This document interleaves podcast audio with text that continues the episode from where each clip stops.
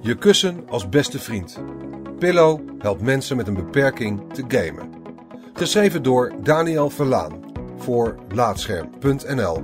Ingesproken door Arjan Lindeboom. Gamen moet voor iedereen toegankelijk zijn. Dat is de wens van Art Jacobs, die mensen met een handicap laat gamen door hen met een kussen te laten knuffelen. In een vakantiehuisje genieten twee families van hun vrije dagen. Ze kennen elkaar niet zo goed, maar één ding verbindt hen. Beide gezinnen hebben een zoon met de progressieve spierziekte Duchenne.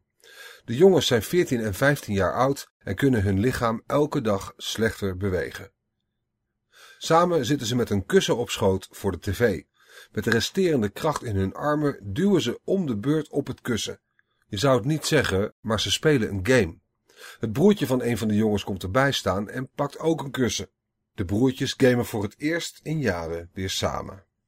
De ouders staan ontroerd te kijken.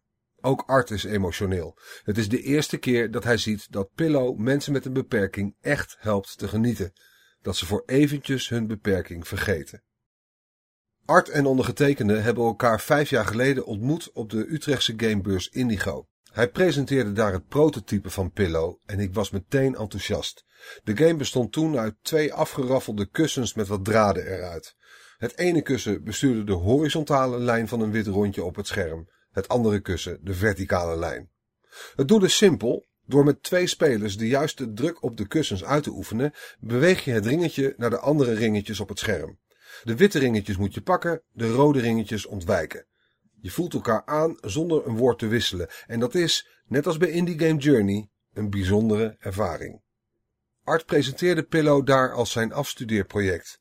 Hij had toen niet echt over de toekomst van het product nagedacht, maar zijn vriendin Laurie Sieben zei dat ze hier echt mee door moesten gaan. Er kwamen namelijk honderden mensen langs die één voor één enthousiast waren. Ze barsten van de ideeën waar Pillow voor gebruikt kon worden. Fysiotherapie, revalidatie, mensen met autisme, verstandelijk gehandicapten, het kon allemaal.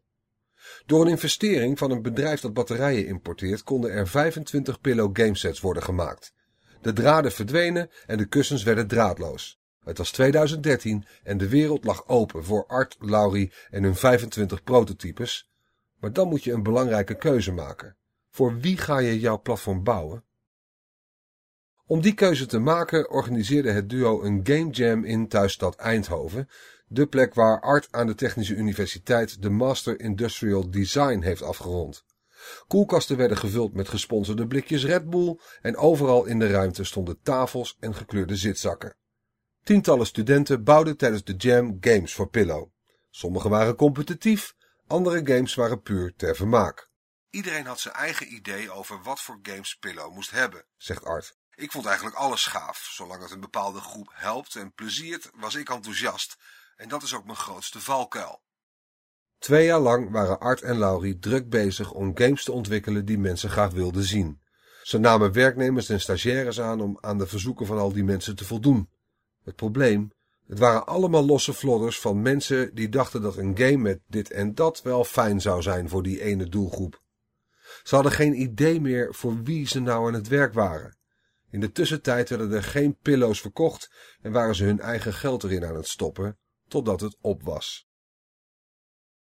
Er was te veel creatieve vrijheid en te weinig sturing, vertelt Art. We wilden aan de vraag van alle potentiële klanten voldoen, maar maakten geen enkele deal. We hadden gewoon geen klanten. Op een gegeven moment konden we de stagiaires niet meer begeleiden en moesten we in het team snijden.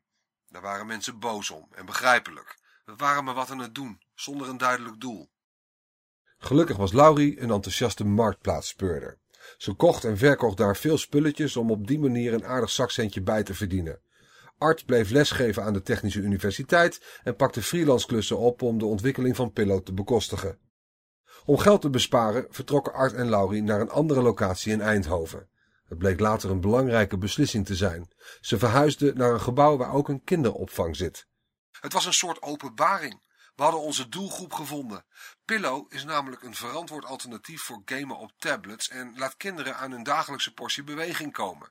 En dat allemaal met spelletjes die geweldloos zijn en samenwerken stimuleren. De kinderen gebruiken Pillow om op een actieve manier te gamen. Het platform biedt 12 kinderspelletjes die vaak maar 10 minuten duren. In een van de spelletjes moet je het kussen schudden, roteren en erop drukken om fruit op te pakken en in de mond van een puddingmonster te gooien.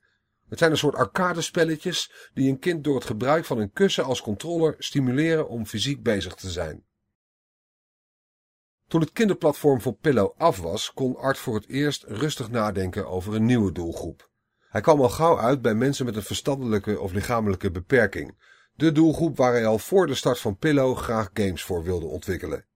Door een investering van zorginstelling Serenlo kon hij zes spellen voor deze groep ontwikkelen, zogeheten belevingsgames. In deze belevingsgames voedt Art de speler voortdurend met beloningen. Als ik een game speel en er wordt aan het einde van de regenboog een pot goud beloofd, dan ga ik door tot ik die pot goud heb. Ook al ga ik een paar keer af. Dat geldt niet voor mensen met een verstandelijke beperking. Als er één onderdeel in je game is dat niet leuk is om te spelen, dan haken ze af. Ze leven zo in het moment dat elke actie bevredigend moet zijn en het doel van het spel uiteindelijk helemaal niet interessant is. Bij een van deze belevingsspelletjes moet je om de beurt op het kussen drukken om een kikker van steen naar steen te laten springen. Na een aantal sprongen gebeuren er allerlei dingen op de achtergrond, zoals een bloem die opengaat of een beer die tevoorschijn komt. Het zijn beloningen om de spelers te stimuleren door te spelen. Het klinkt heel bazaal, maar voor deze doelgroep werkt dat juist goed. Het voordeel van de besturing met kussens is dat mensen met een lichamelijke beperking ook kunnen gamen. Zo is er één jongen die zijn armen niet meer kan bewegen, maar de pillow game speelt door het kussen tussen zijn hoofd en rolstoel te klemmen. Door met zijn hoofd naar achteren te bewegen bestuurt hij de spellen. Inmiddels heeft Art zo'n 50 pillow game sets verkocht. De meeste gaan voor een prijs van 4300 euro over de toonbank. Dat is inclusief trainingen en een 26-inch scherm waarop de spellen worden gespeeld. Het is echt een plug-and-play systeem dat je van kamer naar kamer kunt rijden. Dat is fijn voor een kinderopvang, maar ook voor zorginstellingen. Op dit moment staan er nog twee grote Pillow-projecten voor de deur. Games die mensen helpen te revalideren door hun oefeningen leuker te maken en een gamesysteem voor consumenten. Van partygamers tot een opa die met zijn kleinkinderen wil spelen, mijn doel is om iedereen met Pillow kennis te laten maken. Voor de consumentenversie denkt Art aan een gamesysteem met twee kleinere kussens dat voor een prijs van rond de 250 euro in de winkel moet liggen. De pillowkussens zouden bijvoorbeeld aan een tablet kunnen worden gekoppeld of aan een computer, zegt Art. Ik heb laatst met vier pillowkussens het spel Rocket League gespeeld. Met z'n vieren bestuur je dan een auto en dat is echt super hectisch. Echt goed ben je er niet mee, vooral als je online gaat, maar het staat wel garant voor een gezellige avond met vrienden. Genoeg ideeën voor de toekomst dus. Met de laatste investering, het bedrag mag Art niet bekendmaken, kunnen Art en Laurie nieuwe Pillow gamesets bouwen en verkopen, het platform uitbreiden en hun nieuwe ideeën uitwerken. Deze keer wel met een duidelijk doel voor ogen. Daarmee heeft Art zijn grootste valkuil overwonnen. Dankjewel voor het luisteren naar Laatscherm voorgelezen. Als je waardeert wat we hier doen, dan zouden we het leuk vinden als je even een sterrenrating en een recensie achterlaat op Apple Podcasts of de podcastservice van jouw keuze. Abonneer je ook op onze andere podcast, Praatscherm. En ga voor deze en meer verhalen, geschreven of gesproken, naar laatscherm.nl.